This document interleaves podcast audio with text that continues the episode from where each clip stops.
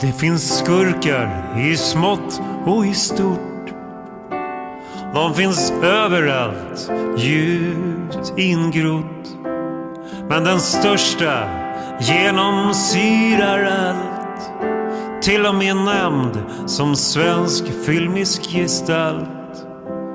Medan snön faller tungt över Svealand står världen utanför ibland.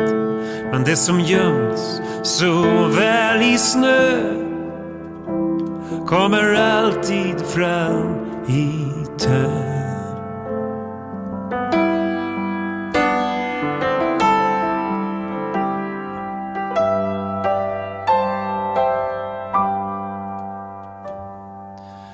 Dödens köpman firas i Nordens Venedig den moderna adeln synas präktig och redig.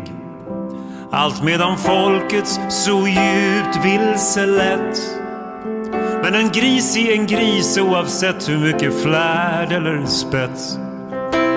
Och nu när ett teaterstycke vid namn konspiration fått ta plats på landets stora teatertron råder väl knappast några tvivel om att ljuset nu har börjat sila in över landet Molom.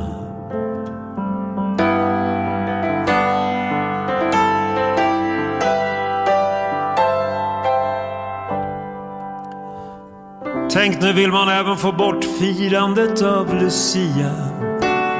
Det heter att man barnen vill befria från föräldrarnas kärlek och engagemang vid ett traditionsenligt evenemang. Men kan det finnas en plan trots allt med att motverka mörkrets gestalt? För det som gömts så väl i lögn blir synligt när vi väckts ur våran sömn.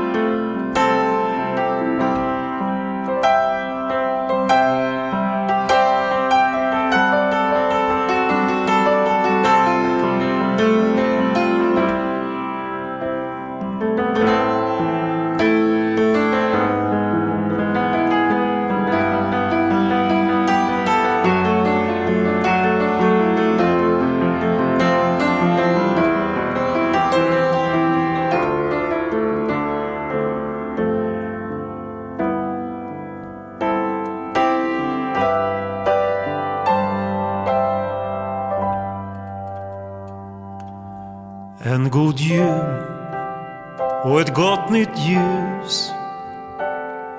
Jag hoppas du får frid ut i ditt hus. Allt handlar om genom vilket glas du väljer att se.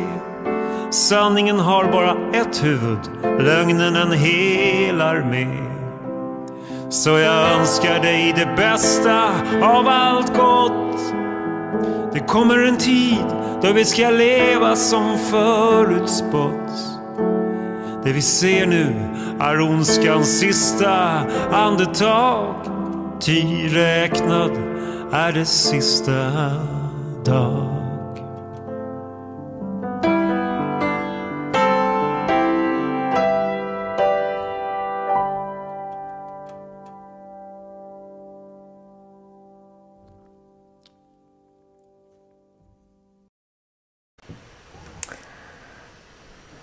Hej alla vänner och varmt välkommen till Vinter med Fröken Vithatt. Idag är det den 21 december och och eh, vilken fantastisk låt du skrev Magnus. Gå gärna in och prenumerera på hans kanal. Det där är folkbildning på, på vers. Helt otroligt. Vi behöver ingen annan hörni. Vi behöver inte massa kända låtar och så. Vi, vi skapar nytt. Vi skriver historia tillsammans. Det är det vi gör. Och vi vill inte ens ha det som varit. Det lockar oss inte. Vi har helt andra visioner för framtiden.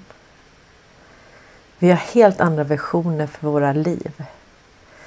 Och vi vill göra det här tillsammans. Vi vill ha ett samhälle där vi månar om varandra, tar hand om varandra, får umgås med varandra. Att vi har tid med det. Tid för varandra. Det som tanken var. Att vi skulle samarbeta, hjälpas åt, visa varandra kärlek, respekt. När jag var ung då hade jag väldigt mycket aggressioner. Som ni vet så är jag fosterbarn, adopterad och det var mycket som hände i mig. Jag hade mycket obearbetad ilska. Och då kom jag att möta en person som betydde väldigt mycket för mig. Adolfo Alstersund. Han var min sifo i kung fu. Och jag var där från jag var nio år till jag var 18. I hans skola. Och den handlade om mycket, mycket mer för mig än bara kung fu. Den handlade om eh, att kunna bearbeta mina känslor. Att kunna vara taktisk. Att kunna förutsäga drag. Och kunna tygla mig själv. Och när jag inte kunde det, det fanns tillfällen då jag inte kunde det. Då tog han över och så började han sparras med mig och så slog han mig i ansiktet och så blev jag irriterad. Och så sa han på spanska. Ingen ilska. Och sen slog han mig i ansiktet igen och så blev jag arg igen och sa han ingen ilska. Han var från Peru. Och eh, han var uppväxt faktiskt i en kinesisk familj. Han blev som en son där tillsammans med deras son. Så han fick samma träning som den här sonen då i eh, Lima i Chinatown. Och eh, vad jag beundrade väldigt mycket det var det här eh, samurajens väg med eh, Bushido, liksom att respektera allt levande. Att, eh, att ha integritet. Att ha en ryggrad. Det här präglar mig väldigt, väldigt starkt. Så jag läste Bushido och eh, jag tränade min träning och eh, ja, det var det som höll mig från gatan. Jag tror faktiskt jag hade hamnat i någon form av brottslighet annars. Det tror jag. Så att eh, om du lever Adolfo så vill jag tacka dig för att du tog alla de åren och fostrade mig. Det är faktiskt lite samma relation som jag känner till Karl. Han eh, fostrar mig också lika hårt. Vi pratar inte så ofta men eh, när vi gör det så slår han till mig också i ansiktet och så säger han inte var arg, inte var frustrerad. Utan nu håller vi ögonen på bollen. Och det märks när folk skickar till mig. Det, det är mycket som skickas till mig om allt möjligt. Men vi måste hålla ögonen på bollen. Vi har all information. Och nu måste vi börja koppla ihop den informationen med resten av det som vi vet. Vi vet så mycket, vi måste bara koppla ihop det. Det är precis som att svaret ligger mitt framför oss. Och vi måste bara se det. Vi måste se bollen. Mm. Det är mycket distraktioner ute nu. Och vad är det de vill distrahera oss ifrån då? Vad är det de vill att vi inte ska se? Vad är det de vill skademinimera? Och varför vill de det? Ja, det kanske inte är så mycket för deras egen skull. Men de har ju kommande generationer att tänka på också. Kanske ändå vill att ens barn och barnbarn ska kunna gå ner för gatan. Så de har ett intresse av att inte allt kommer ut. Och eh, jag kommer inte spela upp det här men eh, det läcker filmer hela tiden nu från Epstein Island. Och eh, just nu så cirkulerar en video eh, med Joe Biden. Där han eh, ja, han eh, torterar kan man säga en väldigt ung flicka. Han slår på henne i alla fall. Man kan ju bara tänka sig hur vad det där var en del av så att säga. Men allt filmades där. Det fanns så många kameror.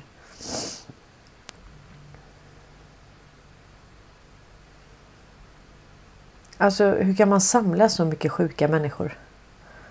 Men jag tror liksom inte bara att man har samlat dem utan jag tror man har skapat dem. Jag tror man tog sig an vissa tidigt. Och att det där har gått stegvis. Till monster. Man har skapat monster. Fruktansvärt faktiskt. Eh, så jag vill inte spela upp den. Jag är ju inte riktigt sams med Youtube. Eh, vi har våra duster precis nu. Eh, det var ju, de stoppade ju livesändningen mitt i igår. Och det var framförallt det här klippet med Reinfeldt där han pratar om Putin på något vis så fick det inte delas. Så att jag överklagade och så skrev jag att det här är skattefinansierad media och jag är med och betalar det. Dessutom så delar jag det i en public domain i utbildningssyfte. Och sen tjänar jag inga pengar på kanalen för de har ju tagit bort min möjlighet att ha medlemmar här. Så att, eh, men de godkände inte det. Eh, så att videon ligger på Rumble. Jag vet inte om man kan se det nu på Youtube men alltså det är... Mm, nej jag är inte glad nu alltså. Inte, inte glad. Absolut inte.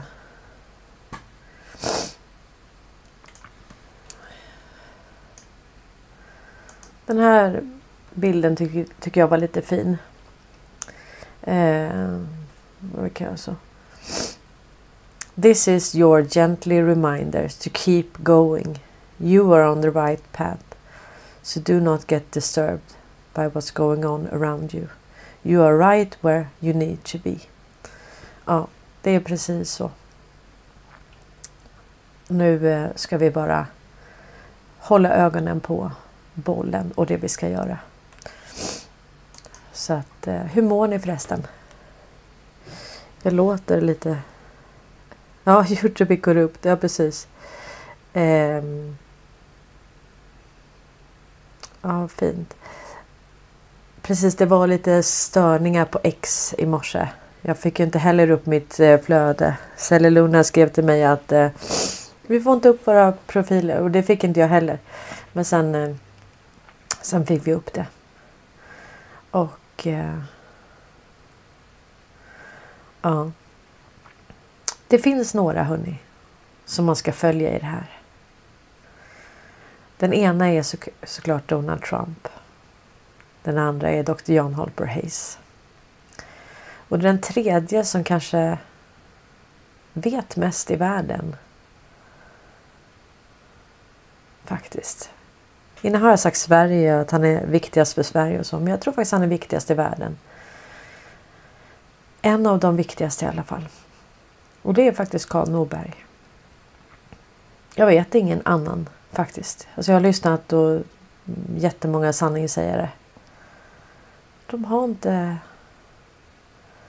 de har inte så klart för sig som Karl Norberg har. Tänk att vi har fått ta del av hans material, att det ligger ute, de här föreläsningarna. Och jag ska spela upp några klipp från det. Vi måste liksom gå tillbaka till till det vi vet och det som har hänt och koppla ihop det. Ehm. Ja, jag tror att det är väldigt viktigt. men det, det är precis som eh, med eh, Karl Norberg som med Donald Trump. Alltså det är ju och Putin också för den delen. Det är ju liksom män av folket. Det är inte, det är inte att de ensamma har någon form av eh, messiasroll eller något sånt. Det där är liksom den kontrollerade oppositionen som håller på att larva sig. De larvar sig för att misskreditera. Det är det de gör. Gå inte på det. Gå inte på det där skitet alltså. Eh, nu ska vi se här. Och vi ska hitta på. Jag har lite. Jag har inte så lite heller. Eh, jag vet knappt var vi ska börja. Eh, ja, men vi, vi, kan börja med eh, Dr. John Holper Hayes. Har ni missat min intervju med henne eh, så ligger den ju ute på Youtube. Vi hade en liten rough start men den blev mycket bättre. Väldigt viktig intervju faktiskt. Eh, och det här var en intervju som hon gjorde häromveckan. Och jag har inte hört henne eh, Alltså man får ju då i alla hennes intervjuer som hon gör så får man ju pusselbitar. Men här säger hon rätt upp och ner att hon rapporterar till militären. Och varför är det viktigt? Jo, det blir ju ett bevis för oss om att det amerikanska försvarsdepartementet ligger under militären. Och det gör det enbart om det är en kontinuitetsregering. Det vill säga att Biden är resident. Så det här är ett bevis så som vi tänker i den här kedjan när vi hör något sånt här så tänker vi, kopplar vi ihop det med att Biden är eh, resident. Han fick en begravningsceremoni. Han har ingen som helst makt. Han har till och med förlängt exekutiva ordrar. Och eh, han kommer inte kunna benåda. Alltså jag tror inte att, eh, visst i en kontinuitetsregering, frågan är om man kan benåda. Frågan är om den svenska regeringen till exempel kan lägga någonting under abolition. Nu när vi har en kontinuitetsregering också. Och alltså kontinuitetsregeringen blir ju då motparten till den ockuperade makten.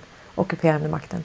Och eh, frågan är om man kan då lägga under abolition. Så som man har då sopat allting under mattan och egentligen skyddat eh, eh, krigsbrottslingar, alltså krigsförbrytare. Man har ju använt det där i tid och otid men det har ju kunnat användas till att benåda eller säkerställa att, att eh, de aldrig blir dömda i alla fall. Eh, krigsförbrytare då. Men jag tror inte man kan göra det under en kontinuitetsregering. Jag tror att det liksom är minimalisk, eh, minimalistisk governance, alltså regering, att det är väldigt få funktioner och att det egentligen bara det som behövs för att hålla samhället eh, flytande. Så tänker jag. Eh, men nu ska vi lyssna på Dr. John Harper Hayes här.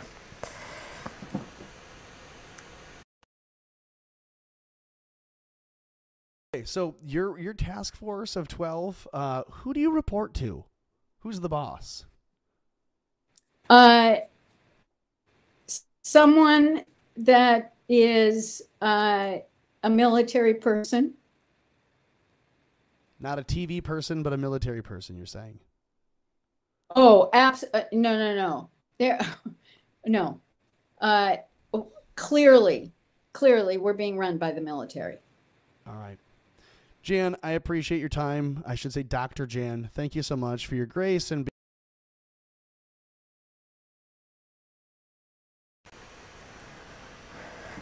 Ja, det råder ingen tvivel om att de svarar till militären. Och det här har hon sagt en gång innan till mig. Eh, jag tror att hon gjorde det i intervju, men jag har hört henne säga det här en gång innan. Och det här är väldigt, väldigt viktigt. Och sen ska vi lyssna nu på Trumps tal om eh, vad det är som egentligen har pågått. Det här är Det här som Donald Trump säger här, det är det som är utrensningen av den djupa staten. Exponeringen och elimineringen och ehm, att rensa träsket. Jag brukar säga rensa the swamp. ja, och då menar jag ju den här svampen som suger ur allting. Som suger ur all näring, all, all rikedom över alla på hela jorden. Ja, och när jag, skri när jag säger det så skriver alla till mig. Ja men eh, swamp betyder faktiskt träsket. Jag vet det. Men träsket för mig är inte lika kraftfullt. Det finns liksom en, en symbolik. Det är ungefär som en kraken med massa armar som styr och ställer överallt. Eller som eh, då en svamp som bara suger upp allting. Och så allting annat blir bara torrt. Och dör.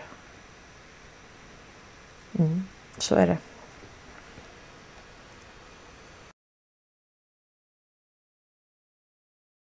This is the final battle. With you at my side, we will demolish the deep state. We will expel the warmongers from our government. We will drive out the globalists. We will cast out the communists, Marxists, and fascists. We will throw off the sick political class that hates our country. We will rout the fake news media, and we will liberate America from these villains once and for all.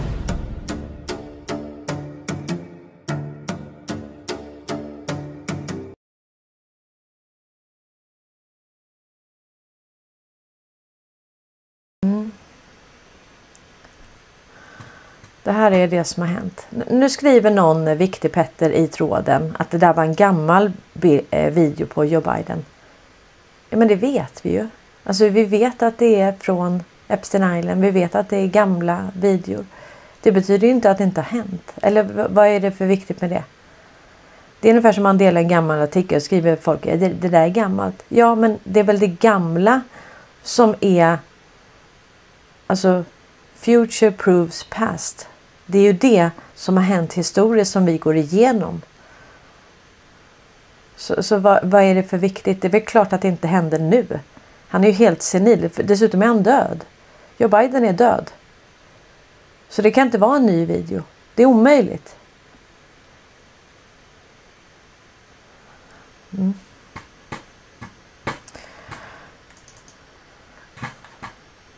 Nu, nu, hörni så är det så här att eh, Judge Loretta Preska wrote unsealed in full. Eh, next to the names of 177 eh, ja, names of ja, det där var ju väldigt, jag förstår inte vad det står ens. 177 namn som var Jeffrey Epsteins vänner rekrut, eh, rekryter, offer och andra. Alla de, deras namn kommer att bli uppdagade. Hon skriver att det här är fullt avklassificerat. Så att det här har redan hänt. Det är alltså redan avklassificerat och det är 177 namn kopplat till Jeffrey Epstein. Det här är någonting som inte... Alltså när folk kommer se att det här är kändisar, folkkära människor som de har respekt för. Och de får se typ den videon som cirkulerar nu på Joe Biden. Det finns en annan med John Podesta som är fruktansvärd. Och Roland skrev, skrev att titta inte på det där, det, det fastnar på näthinnan. Och jag håller helt med. Det där, den där videon med Podesta, jag önskar att jag inte lyssnade på den för den, jag får upp det i huvudet så att säga. De här eh, hjärtskärande skriken från barnen. Det är, jag förstår varför eh, Q-teamet inte kommer visa oss allting. Alltså det, det, är, inte, det är inte nyttigt att, att se det. Utan eh, vi ska inte ens ha de preferensramarna för det är så sjukt. Det är så fruktansvärt sjukt. Det, det speglar sån ondska. Gör det. Fruktansvärt alltså.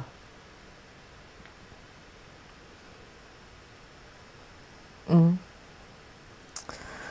Fruktansvärt är det.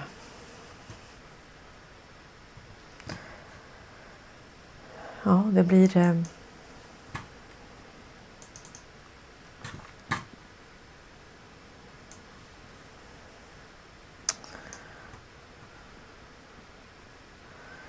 Så här står det också i Daily Mail då. Så det här är det här är det som kommer ut. Och det är som ni ser från den 19 december 2023. Så att det här händer nu och det här är ingenting som de vill ska komma ut. Ja men det finns ju namn här som är okända. Kanske inte för oss men för många andra. Vi pratar ju ändå om att det kommer ut i mainstream och att det är avklassificerat. Det vill säga att det är offentlig handling. De är inte skyddade längre hörni. De är inte skyddade. Hela det systemet som har skyddat de här tidigare. Deras skyddsnätverk. Det är borttaget.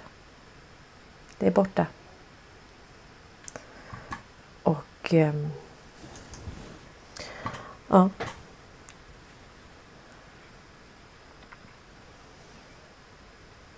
Nu tittar Sverige då på att eh, man ska införa då maffialagar i Sverige. Socialdemokraterna vill knäcka den organiserade brottsligheten och de kriminella gängen med nya maffialagar. Inspirationen hämtas från USA och Italien.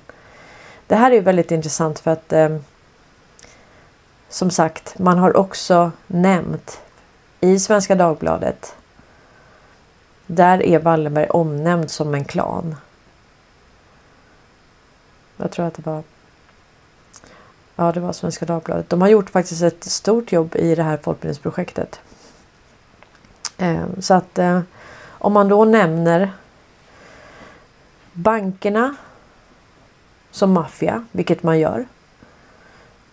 Och eh, det har framkommit att eh, inom rättsväsendet att domstols... Eh, alltså domare har gett information till kriminella. Bankerna ger information till kriminella. Ja. Så att det här är alltså det är på absolut högsta nivån. Och man hade ju inte velat införa maffialagar om vi inte hade maffia. Så de som säger så här, nej men jag, jag tror inte att det finns maffia i Sverige. Nej, men vad ska vi med maffialagar till då? Va? Det måste ju finnas anledning till varför man vill införa det.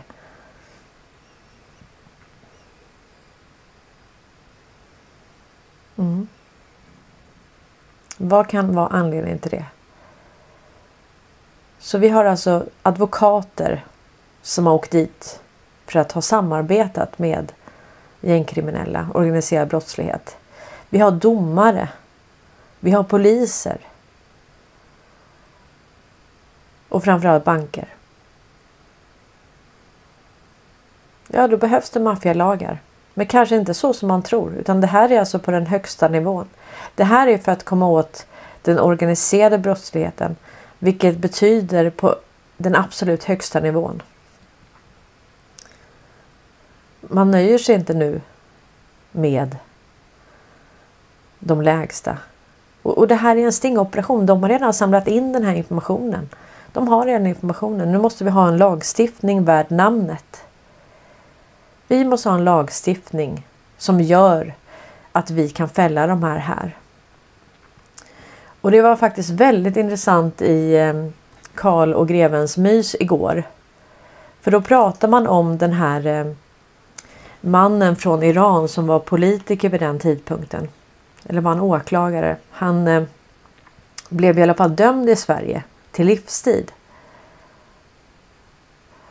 Så att en iranier begår brott i Iran och blir fälld i Sverige till livstidsfängelse.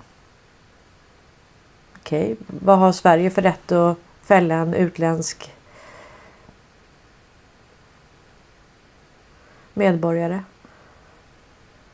Det har vi inte rätt till. Varför skulle vi ha rätt till det? Vad har vi för jurisdiktion över Iran? Varför har vi det? Hur kan vi döma en iranier här för någonting han har begått för över 30 år sedan. Jag tror att det var 80, 85. Jag ska ta fram den artikeln, jag har den här. Men. Så han begår ett brott för 35 år sedan. Vad är preskriptionstiden? Jag vet inte. 10 år. Men det var inga problem. Så det var inga problem med preskriptionstid och det var inga problem med att det begicks i Iran. Och ändå har man rätt att döma det. Ja, det är väldigt intressant då. Uh, vi ska höra ett klipp här om det svenska rättssystemet och hur ruttet det är. Det här är med Karl Norberg.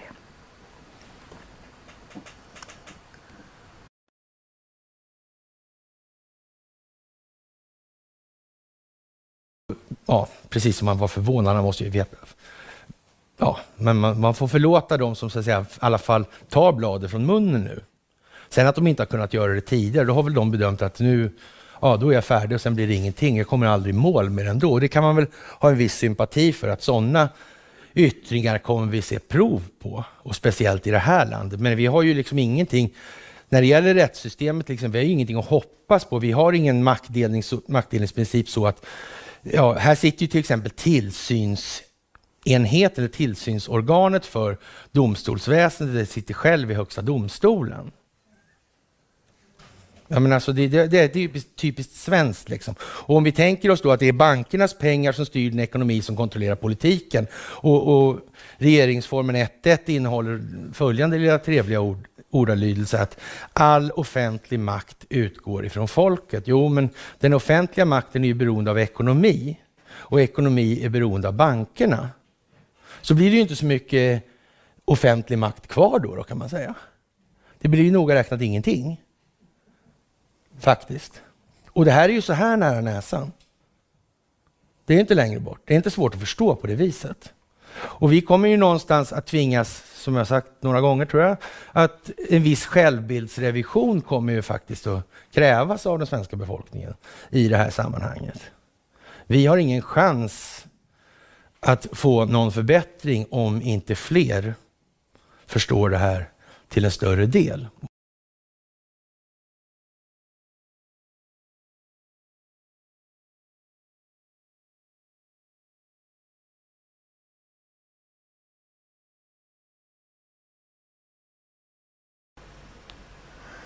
Jag försöker hitta eh, Rumble. Men eh, jag har laddat upp eh, både, jag hade ju problem både i, igår och i förrgår med Youtube. Eh, så att eh, de har synpunkter. Så det här är liksom utmaningen kring det svenska rättssystemet. Vi har alltså inte Allting är en mischmasch. Och när vi pratade igår om att MSB ska byta namn till Civilförsvarsmyndigheten. Så tyder det ju på att okej, okay, nu kanske de ändå då ska, eh, ska se till folkets bästa. Civilbefolkningen alltså. Vad har alla de här myndigheterna och eh, rättssystem och allting, vad har de skyddat för intressen? Vi har ju inte haft någon maffialag i alla fall. Så det har inte funnits någon möjlighet att sätta dit eh, maffian. Kan det funnits en tanke med att inte det har funnits någon sån lag? Vi har inte haft, haft några trustlagar heller.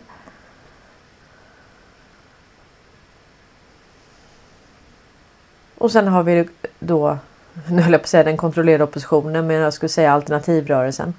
Det var väl inte så fel ändå. Men då ropar de att åh nej, nu ska de göra om vår grundlag. Ja, men vi har ju inte haft någon grundlag. Vi har inte haft något rättssystem värd namnet och det har ju aldrig varit till för befolkningen. Aldrig någonsin.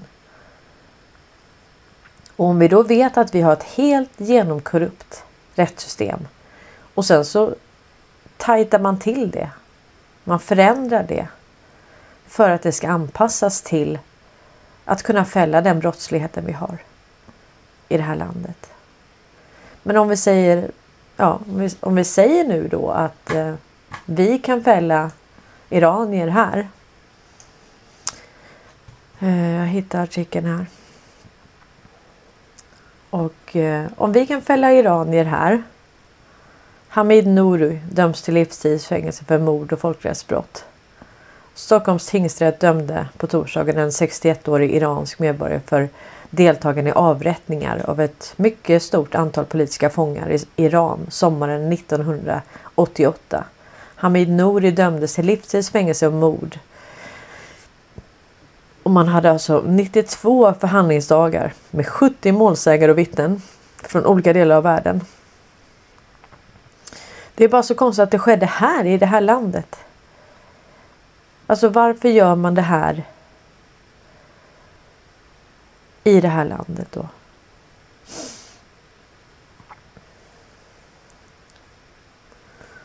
Är, är vi någon så här brottmålsdomstol i Haag? Alltså är det här... Eh, har vi det i Sverige då eller? Och sen var ju Karl och greven inne på att ja men okej då om vi säger att eh, man i Sverige kan fälla iranska medborgare. Ja då borde man kunna fälla svenska medborgare i Iran då. då. Man har ju flera som sitter där. Som man har eh, anklagat för att vara spioner och sånt där. Djupa staten, lakejer. Då kan ju de lika gärna döma våra medborgare då. Eller är, är det här någon så här internationell domstol då i Sverige? Jag menar det här måste vara skattepengar då.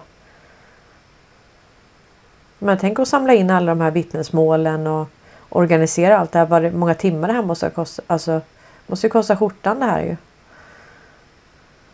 Jag säger inte att det är dåligt att han döms. Jag bara menar så här, det är ju väldigt konstigt att man, Alltså varje land måste ju ta hand om sitt.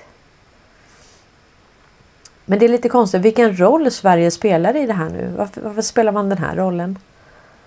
Vad är det vi inte vet?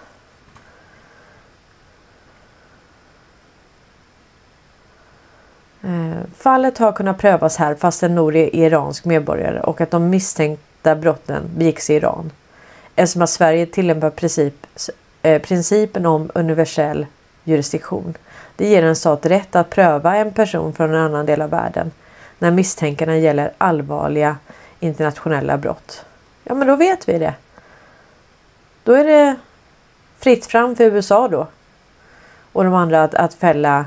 Då kan de också säga att vi tillämpar, vi tillämpar principen om universell jurisdiktion.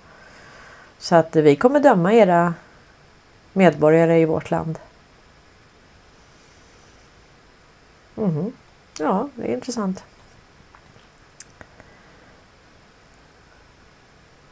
Ja, vi kan lyssna här. De är så himla knussliga nu med, med eh, Bevisningen består framförallt av ett stort antal vittnesmål. Över 70 personer som har vittnat om hur han ska ha läst upp namnen på de fångar som skulle avrättas och sen också fört dem till avrättningsplatsen. Sen finns det även böcker som flera som överlevde den här massakern har skrivit som är del av förundersökningen som är flera tusen sidor lång. Många av dem jag pratat med säger att det känns som att kastas 34 år tillbaka i tiden till den här tiden när de satt i eh, fängelset och att de har genomlevt de här dagarna igen under själva rättegången. För många har det också varit viktigt att öppna upp ett samtal om vad som hände i Iran 88. Som ni hör så har det redan börjat komma människor här bakom mig eh, som skriker här vid tingsrätten. Eh, men det som har varit viktigt för många av dem som jag har pratat med är att framförallt att det har blivit ett, någonting som man pratar om. För det här är ju någonting som inte har diskuterats i Iran på flera, ja, på tre årtionden öppet. Och den här rättegången har ju följts av människor över hela världen och ljudinspelningar som har spelat in här i tingsrätten har också lyssnats på i Iran. Så att, den, att det kommer fram har varit viktigt för många. Så, nu la jag länken till gårdagens live. Och det var ju där jag hade med om Reinfeldt. Så att jag hade med ett klipp när Reinfeldt pratade om Putin. Eh, och det var inte okej. Okay. när Reinfeldt pratade om Trump så var det okej. Okay. Det blev inte... Och sen var det då Ekonomibyrån som jag spelade upp. Eh, och eh, det var inte heller okej okay då. Men eh, vadå, det finansieras av skattemedel. Och det här är en public domain så jag, jag förstår inte. Jag förstår verkligen inte själva grejen. Um, mm. Sen har vi, vi kommer in lite här på banksystemet idag i slutet här. Det som jag nämner bankkrisen. Men eh, jag vet att det är väldigt många som talar om krypto, att krypto är bra och krypto hit och dit och, ehm, och så. Men ehm, vi ska lyssna på Karl Norberg här på en, om Krypto AG. Och Krypto AG såldes ju med bakdörrar för att kunna avlö, avlyssna de andra underrättelsetjänsterna. Så inte bara genom krypto AG utan man har ju även kontroll på telekominfrastrukturen. Men man kan alltså avlyssna de här. Och det var också eh, Krypto AG som kom upp med de här och man sa ju att CIA ägde Krypto AG. Men det är ju verkligen en sanning med modifikation. Eh, så att det här är ju skapat av Krypto AG, alltså kryptovalutorna idag. Hela det systemet. Och det är ju för att man behöver kunna finansiera sin kriminella verksamhet. Och man behöver också kunna ha pengar som flödar mellan vårt Fiat-system till skuggbanksystemet. Du behöver kunna ha eh, transaktioner som, som inte syns så att säga för, för oss. Men nu har det ju varit ett folkbildningsprojekt i några år. Så vi har ju fått se då att eh, krypto är inte alls anonymt utan den amerikanska staten kan bara ta tillbaka krypto helt enkelt. Så att eh, krypto går ju på samma telekominfrastruktur och jag vet att nu kommer jag få folk emot mig för det verkar som att de som är för krypto de, de har investerat i det där. De har pantat in sig rätt hårt och de blir arga när man säger att det här är någonting som en del av det systemet som vi kommer lämna. Det vill man inte höra. Jag har verkligen eh, haft människor som har varit med i det här och delat och så och sen blivit arga på mig för att jag har sagt någonting negativt. Så, så de som eh, sprider saker om mig och så. Alltså jag har ofta, säger ni bara vem det är, så kan jag säga att jag vet vad, vad skon klämmer. Jag vet vad de blev arga på. Alltså vad de stör sig på, vad det är de inte kan ta i det jag säger. Jag vet, jag vet exakt vad det är. Och det handlar om känslogrundande värderingar. Det handlar om att man har paddlat in sig så hårt i vissa saker så man kan inte släppa det och då skjuter man eh, budbäraren. Det är det man gör. Eh, och det, det gör ingenting. Jag menar det, det, kommer bli vad det blir och även trollen kommer tycka att det som blir blir jättebra. Det här blir jättebra för alla. Det kommer gynna många fler än bara ett fåtal på toppen. Och de som gnäller, de är inte själva premierade i det här systemet. Så varför hålla fast vid någonting som är skit? Det här är verkligen ett dåligt system. Och de som håller fast vid det är inte premierade i systemet överhuvudtaget, enligt mig. Alltså om du har fått en smula eller en limpa. Vad spelar det för roll då? Det är liksom... Eh, ja, det är ändå någonting som är... Jag menar, tänk bara på era barn. De växer upp.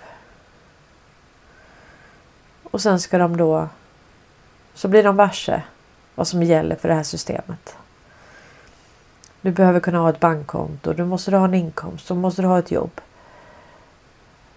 Och sen är det utbildning och så. Så det är liksom, det är en given linje. Det, det är svårt att leva utanför det här. Det är svårt att leva utan pengar. Utan värme, utan allt det här. Alltså man har ju gjort oss beroende av allt det här också. Det är svårt att leva utanför. Det går ju inte. Men eh, så, så det är så att vissa har väldigt svårt De har pantat in sig. Och enligt mig så har de inte pantat in sig. Så jag säger att varför, varför försvarar du det där? Du, alltså du gynnas ju inte själv av det. Ja, men om, du har, om du sitter på krypto. Ja, vad kan du göra med det då? Du kan inte betala din elräkning eller... Ja, då kommer någon säga, jo men det kan du, det kan du. Ja, ja, men... Du förstår vad jag menar. Det är ändå inom ramen för samma telekominfrastruktur, samma system. Om man går tillbaka historiskt så handlar det här om att finansiera den djupa staten. Det är det det är till för. Och det har aldrig någonsin varit anonymt. Nu ska vi lyssna på Karl här.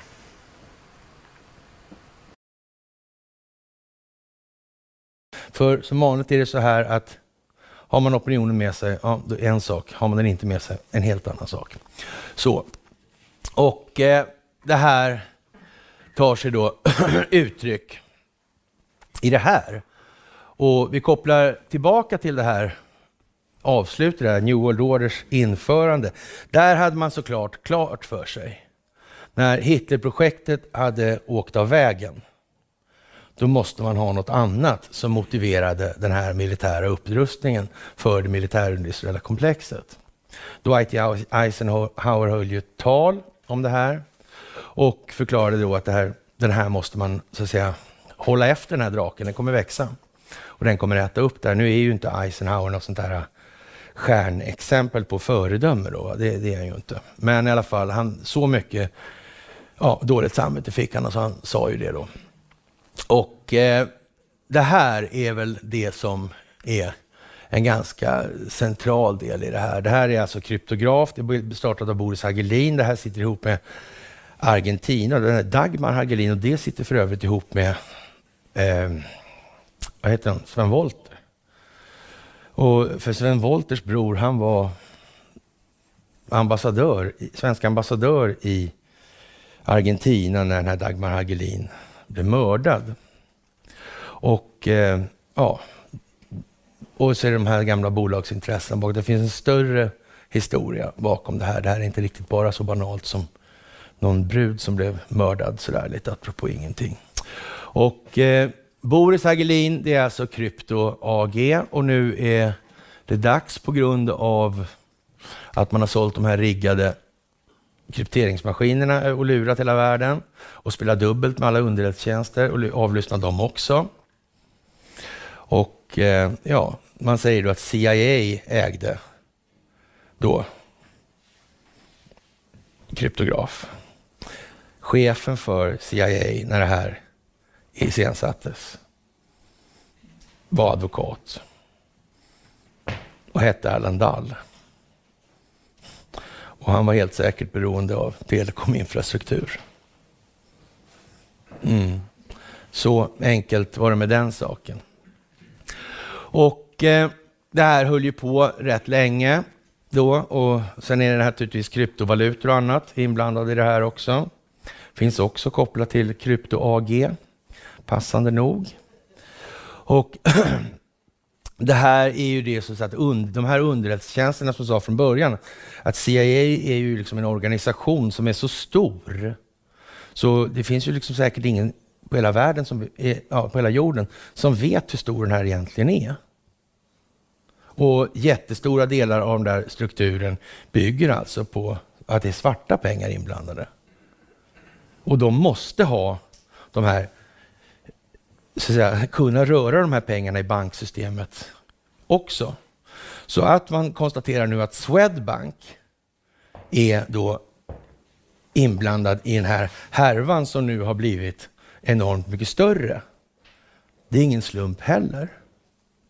Och att Ericsson har gått med på att amerikanska justitiedepartementet får fullständig insyn i allt vad Ericsson har för sig. Från i november förra året. Det finns inte en så liten tanke bakom det. Det finns en stor tanke bakom att göra så här. Och de går ändå med på att ta ett vite på 10 miljarder spänn och släppa in amerikanska justitiedepartementet. Den här släggan som kom som vi börjar med då, med att de här 26 svenska länderna, eller eh, europeiska länderna, EU-länderna, och att det är förbud mot att ha samröre med Panda Electronics och så vidare. Och, mot, och det kan man säga så här att den här kommer nu, men den hade kunnat komma tidigare också. Men det finns som sagt mer.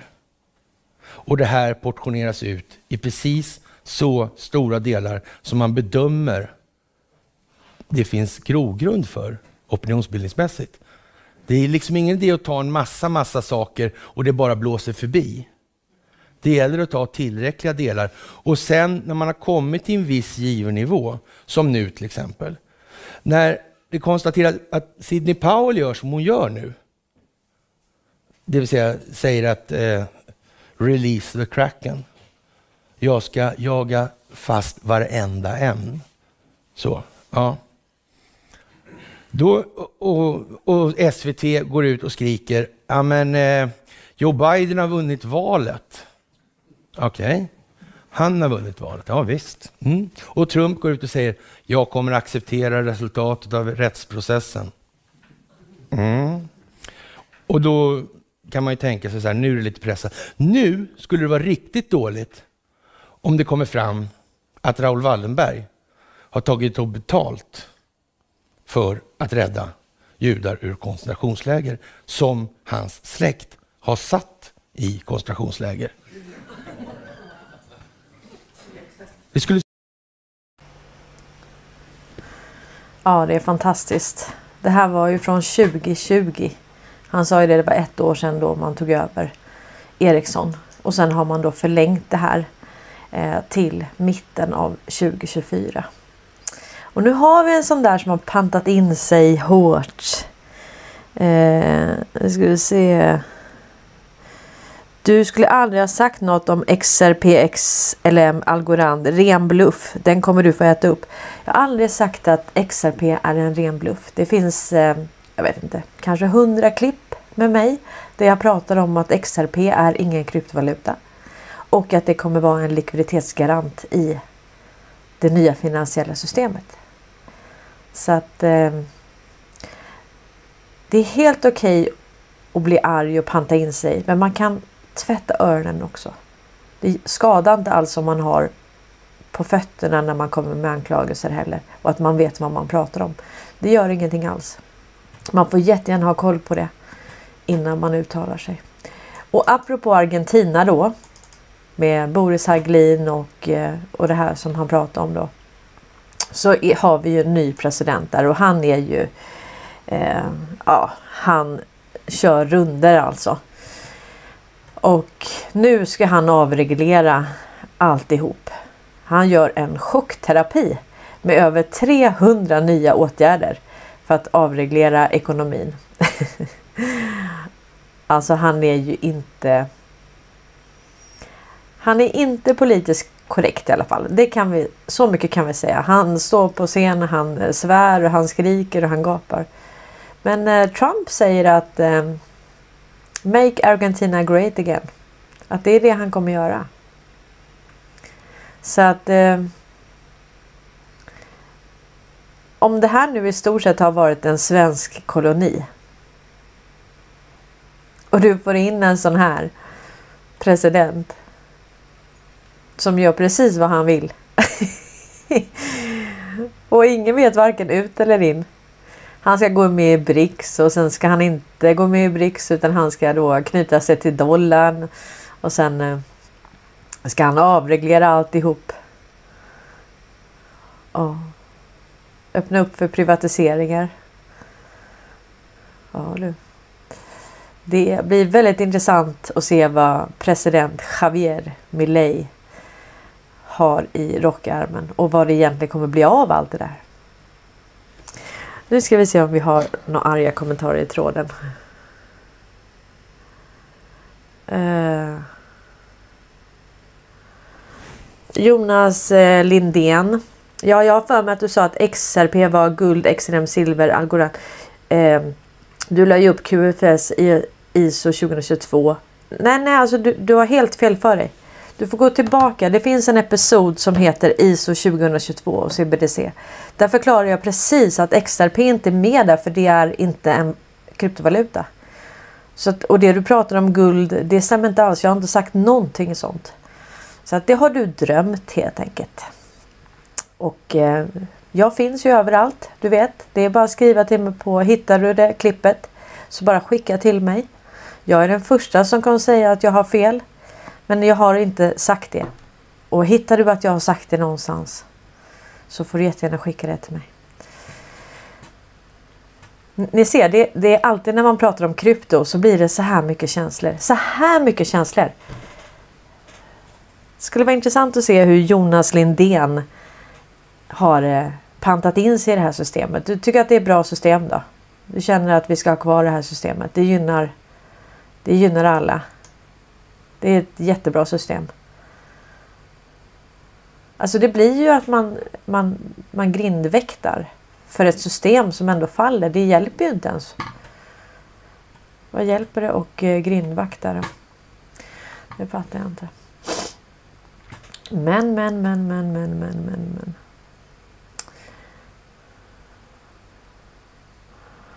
Ja. Nu ska vi se vad vi har. Vi har gått igenom det. Ja men precis, det, det, här, det här kan vi behöva gå igenom lite. För det här tror jag vissa tycker är lite svårt. Um, då skriver G Strand så här. Uh, vi börjar med artikeln då. Det svenska Ränteraset fortsätter. Räntan på den svenska tioåriga statsobligationen fortsätter att rasa och är nu under 2% Det här är ett styrketecken att det svenska räntefallet är så pass kraftigt när utbudet av svenska statsobligationer ska öka, säger Mikael Gran, Danske Banks chefsekonom i Sverige. Det konstaterar att marknaden inte köper centralbankernas besked om att räntesänkningar lär dröja. Eh, det här är ju väldigt intressant och då skriver G-strand så här. Så om ackumulerad ränta utgör problemet går vi mot nollränta och eviga löptider när Riksbanken inte har kopplingar till de privata bankernas fria penningskapande eller räntesänkning. Då tar bankkartellen ut den ränta de tror sig kunna komma undan med. Så då är ränteraset nämligen ett styrketecken utan in, näppeligen ett styrketecken utan mer en ofrivillig bugning inför verkligheten av skuldmättnad. Ja, alltså man kan ju säga så här. Eh, alltså man ger ju ut statspapper och sen så säljer man ju det till marknaden. Så de köper ju de här statspappren och då är det en, eh, en löptid och en ränta man får för det. Precis som när man skulle då göra det här gentemot SAS för några år sedan. Eh, så var det 27% man fick i ränta på tre månader. För att risken var så hög. Mm. Sen har vi då USA. De har ju då gett ut statspapper till Saudi. Okej. Okay. Och, och, det har de gjort i form av betalning så Saudi har ju inte behövt betala för de här statspappren. Men däremot så har det ett värde så att säga. Så det har ju varit, man har ju gett ut statspapper till Saudiarabierna. Och eh, man, nu finns det alltså ingen som vet hur mycket statspapper som saudierna sitter på. Okej, okay, så att de har ju alltså eh, och de, de, får ju ta emot en ränta på, på det där så att säga. Det är en risk. Så att om vi säger att du investerar i SAS eh, alltså du går in med pengar i en obligation till SAS så får du 27% ränta tillbaka som tack för att du lånar in kapital. Så ett sätt för svenska staten att låna in kapital är att ge ut statspapper. Då. Så att är risken väldigt, väldigt, väldigt hög så får man ju ge en väldigt hög ränta. Är risken väldigt låg så får man ge en låg ränta. Så att om, om nu eh, räntan är under 2% så säger det ju då att marknaden känner att eh, det är inte så hög risk i de här svenska statspapperna. Så att, eh, men det har ju ingen koppling med utlåningsränta eller de pengar som du och jag har utan det här är ett sätt att finansiera stater så att säga. Eh, så det blir väldigt intressant och om vi då knyter tillbaka till eh, Saudi då så är det ju så att nu går ju Saudi med i BRICS och eh, det är ingen som vet hur mycket statspapper de har. Mm. Och då för att de har investerat så får ju de en ränta så att säga.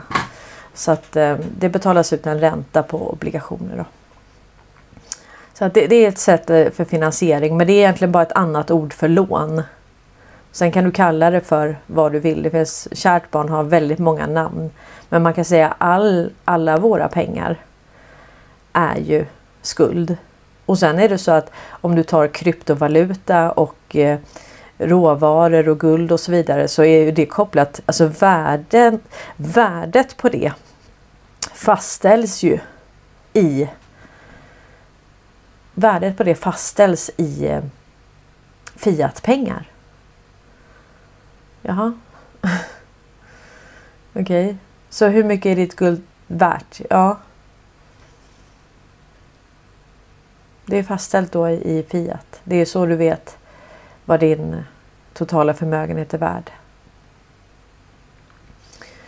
Så om vi säger då att eh, det finns bra mycket mer dollar än vad man trodde. Eller som först var känt. Vad händer då? då? Och hur kommer det sig att Saudi, om det här nu var en bra deal och man trodde på dollarn, varför går man då med i BRICS? Mm. Så att eh, ja, det här tål att tänkas på. Men obligation är ju då som man kan ge ut en obligation som företag. Eh, och då så har man investerare som eh, köper de obligationerna mot en löptid och en ränta. Och då är det så att skulle det här företaget gå i konkurs så är det i första hand Skatteverket och eh, i andra hand är det ju liksom fordringsägare och ja, du har ju klart de anställda och så. Deras löner och så. Men sen har du ju de som har lånat in pengar. Eh, och sen i sista hand har du då aktieägarna. Men det är också så att aktieägarna, det har vi pratat om när det gäller banker. Är du aktieägare i en bank så kan du bli med, alltså medansvarig till att betala fordringar. Du kan få betala ur egen ficka om det är så att eh, Handelsbanken, eller Swedbank eller SEB eller så be, blir betalningsskyldiga så kan det alltså ligga på aktieägarna att skramla ihop det kapitalet. Så därmed sagt att det är ju, jag får ju inte ge finansiella råd, men det är ju inte riskfritt att äga i en bank. Det är det inte. Eh, och nu i de här historiska eh, vingslagen så har vi faktiskt, vi hade ju då eh, Gardell igår där han pratade om att han öppnade upp för att flytta eh, noteringar då till eh, USA-börsen. Och nu säger man här att eh, nu tar han en eh, miljardpost i det här är ju Varburbanken, alltså den gamla Varburbanken. Alltså den som finansierade Hitler, andra världskriget, IG Farben, koncentrationslägen. Någonting säger mig att han kommer inte se röken av de här pengarna. Så vad ska det här gå till? Är det skadestånd kanske? Är det här redan frysta pengar? Då står det så här. Christer Gardells aktivistfond Sevian Capital Sevian Capital har köpt in sig en aktiepost värd 13,3 miljarder kronor i den schweiziska banken UBS, rapporterar Financial Times. Sevia med grundaren Lars Fröberg spår att bankens börsvärde kan dubblas. Ja, eller så är det något helt annat också. Ja, det är intressant. Vad skriver ni nu? Nu vill jag se vad ni skriver här.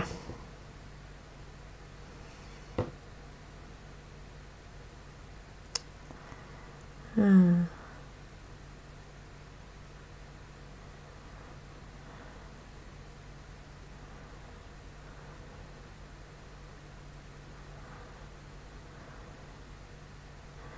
Liam Perez. Javier är väl en WEF puppet. puppet. Eh, ja men alltså vadå en WEF puppet? Jag förstår inte riktigt.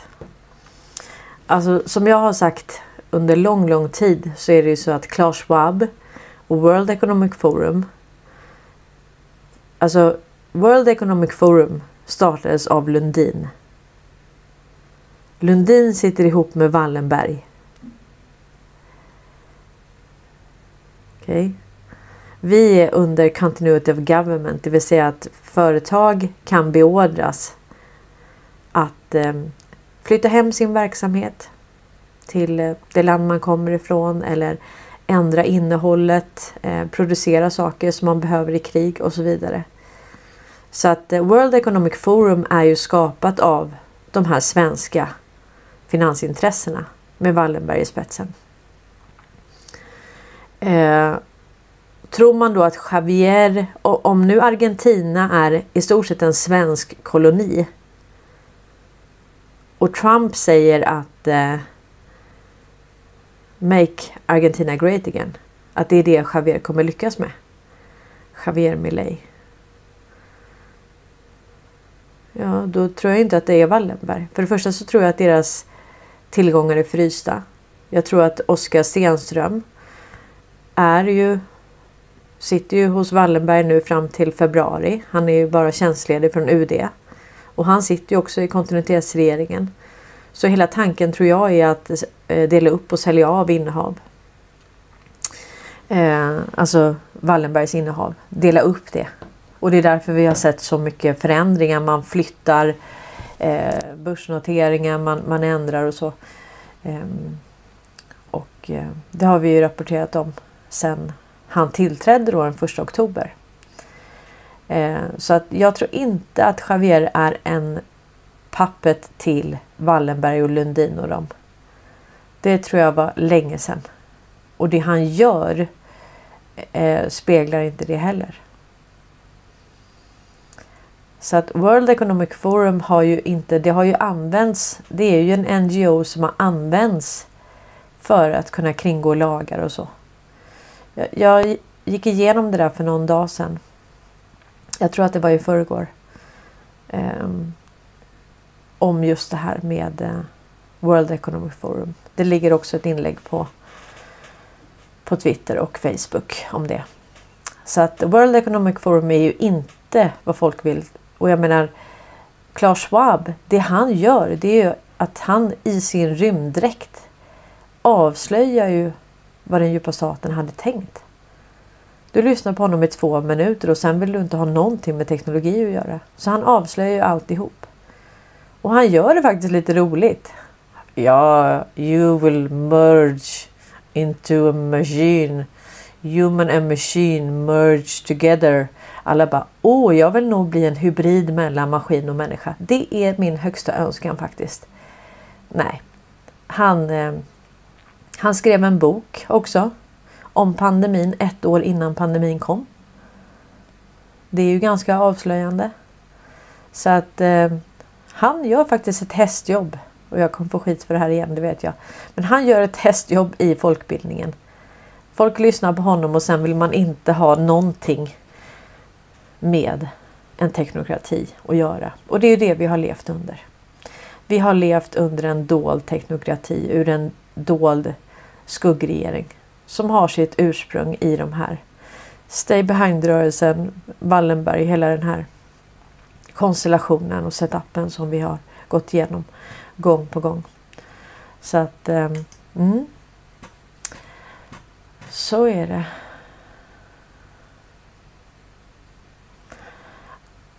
Ja hörni, jag tror eh, det är lite andra grejer här som är lite off topic. Eh. Jag kan visa en Q-post kanske. Eller jag visar två förresten. Eh, det här är då 6 år Delta den 21 december 2017. Eh, och då står det så här. Soros takes orders from P. Peter Wallenberg tror vi att det är. You have no idea how sick and evil these people are. Fight, fight, fight. Day of days, game over, Q. Så Soros tar order från P. Du har ingen aning om hur sjuka och onda de här människorna är. Kämpa, kämpa, kämpa, strid, strid, strid. Dagar av dagar. Game over. Q. Så här är då tydligt att Soros är en pappet. Han är inte den som är högst i det här. Han tar order från någon. Och han har ju sina kvantumfonder i SEB i Stockholm. Och sen har vi en annan post här, 415. We are in this together. No one, uh, no one person is above another. We stand together. Watch the news. Godspeed. Patriots. Q. Vi är i det här tillsammans. Ingen är över någon annan. Ingen människa är över någon annan. Vi står tillsammans. Titta på nyheterna. Godspeed. Patrioter. Q. Så det är fantastiskt. Vi är i det här tillsammans och ingen utav oss är bättre eller över någon annan. Vi står tillsammans i det här. Det är vi som utgör förändringen. Vi utgör den förändring vi vill se i det här samhället. Så att eh, det är fantastiskt att vi får göra det här tillsammans. Och eh, sen har vi en post till här. Och här eh, handlar det om att man eh, Alltså man, man, visade inte riktigt vad det var man gjorde och eh, det var ju eh, de här på borden då Anonymous, de tyckte då att eh, ni kan väl visa vad ni gör. Och igår läste vi att vi kommer inte telegrafera alla, alla steg vi tar. Vi kommer inte basunera ut det till fienden. Men då står det så här. Found it, holy shit. Och den här twitten går till eh, ABC. Och den handlar om Trumps exekutivordrar. Vi ska titta på den alldeles strax. Eh, men då står det så här. We were inspired by an Anons here to make our efforts more public. Find the exchange two days ago. Feel proud Q. Så att de skulle visa mer vad det är de gör. Och här är då den länken som det här gick till eh, med. Och det här var ju verkligen någonting som var stort för mig också. Eh, och här är då den eh, 21 december 2017. Och det är när Trump deklarerar en nationell, ett undantagstillstånd med respekt för allvarliga brott mot mänskligheten och korruption runt om i världen. Och för att kunna då sanktionera de här eh, aktörerna som är engagerade i de här onda aktiviteterna. Meddelar då US Treasury. Och för mig blev ju det här när jag, när jag satt upp i finansbranschen och såg alla de rika knösar som helt plötsligt skulle bli filantroper och, och de skulle skänka sin förmögenhet och la la la la la. Alltså jag fick inte ihop det i huvudet liksom. Det, det är ju det, det, är ju som du vet när vi hör Bill Gates sitta att han investerar i eh, läkemedelsindustrin och vaccin för att det ger honom eh, så bra avkastning. Så det är hela tiden någon som har tjänat på sjukdom, död, lidande, krig och så vidare. Och sen hittade jag då eh, Trumps exekutivorder. Och när jag hittade hans exekutivorder då förstod jag precis varför de positionerar sig. Varför de helt plötsligt när det här kom från Trump så började de skänka sina skänka ska jag säga, sina förmögenheter till egna stiftelser. Man försökte alltså rädda sina pengar. Det gick inte. Det gick inte. Och det var för att det var ett undantagstillstånd. Då har man rätt att ta kontroll över företag. Man kan beordra dem att flytta hem sin verksamhet. Man kan beordra dem att upphöra med sin verksamhet. Man kan beordra dem att ändra inriktning på sin verksamhet. Så jag tror också att alla de här patenten man kommer släppa, det är också det man har beordrat företag med. Så vad gör man till exempel på alla de svenska företagen? Vad gör man på Ericsson? Vad gör Tesla? Vad gör Elon Musk för någonting i alla sina bolag? Vad gör de svenska bolagen? Vad gör Northvolt? Vad är det de gör egentligen? Vet vi det? Vi vet att det är undantagstillstånd. Vi vet att det är continuity of government. Vi vet att Oskar Stenström sitter på eh, Wallenbergs stiftelser och att det har hänt massa grejer efter det. Vi vet att man skärper rättssystemet. Man vill titta på maff eh, maffialagar. Petra Lund rockar röv i, eh, på polisen. Ändrar i utbildningen och allting. Vi har militären. Eh, väldigt många, över 400 generaler som har förlorat sin gravbeteckning. Fått gå ner i lön eller slutat. Man rensar, man rensar, man rensar. De som inte är önskvärda.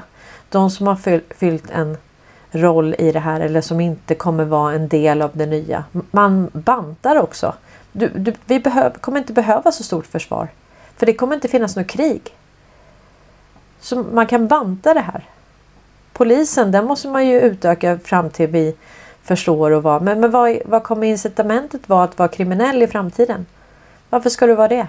Om folk har pengar och, och jag menar det kommer inte finnas något incitament. Alltså det kommer inte vara så att, att folk lider den bristen. Och du kommer inte bara kunna plocka människors pengar i och med att det är ett helt transparent system. Så du kommer inte bara kunna sno någon annans pengar. Så ah, hela det här ljusskygga systemet som vi har levt i. Det tar slut här och nu. Det är slut på det. Så du kommer inte kunna operera i det nya utan att avslöja dig själv. Och då är det inte bara mot de som leder systemet utan alla kommer kunna se allt. Det kommer vara helt transparent. Och då försvinner incitamenten. Och då kommer vi sakta men säkert kunna dra ner på polisen. Då behöver vi inte ha massa poliser. Så att eh, det, det kommer bli mycket bättre. Ja hörni. Det är så fantastiskt roligt att eh, vi får göra det här tillsammans. Och nu får alla ni ha en riktigt, riktigt, riktigt god jul. Tack för att ni lyssnar. Jag vet att ni alla har mycket att göra och eh, tack till alla er som stöttar den här kanalen nu när Youtube har stängt möjligheten för mina medlemmar som har stöttat mig i det här arbetet och eh, jag kanske gör en liten sändning på söndag. Vi får se. Vi har ju folk här. Vi har ju barn och vi har respektive och vi har svärföräldrar och allting. Det kommer vara fullt ös hela julen. Men jag kommer, eh, jag kommer köra några livesändningar. Jag meddelar. Och eh, ja, jag tror inte att det kommer vara, hända mindre saker i jul utan mer. Och det är lite intressant också det Karl pratar om att det skulle kunna bli individuell avstängning det är lite intressant. Vi får se hur det här kommer utspela sig och eh, jag tror faktiskt att med tanke på att man inte basunerar ut sina nästa steg så tror jag vi alla kommer bli ganska överraskade. Men eh, och det här är alltså den sista julen. Den sista julen eh, som vi kommer att ha uppleva. Så att vi kan väl eh, Vi kan avsluta med den här bilden. Han telegraferar sina moves. Men inte till den djupa staten utan till de som koordinerar hela det här systemet. De som utgör den konstellation som motverkar det här systemet och som plockar ner det. Stort tack att ni har lyssnat idag. Tack att ni finns och att vi får göra det här tillsammans. Och eh, jag hoppas att ni får umgås med nära och kära och eh, hänga med oss. Karl kommer ju sända på julafton, det gör han ju alltid. Eh, och jag kommer göra eh, sändningar så fort jag kommer åt. Jag meddelar. Stort tack för idag hörni. Ha en jättefin jul.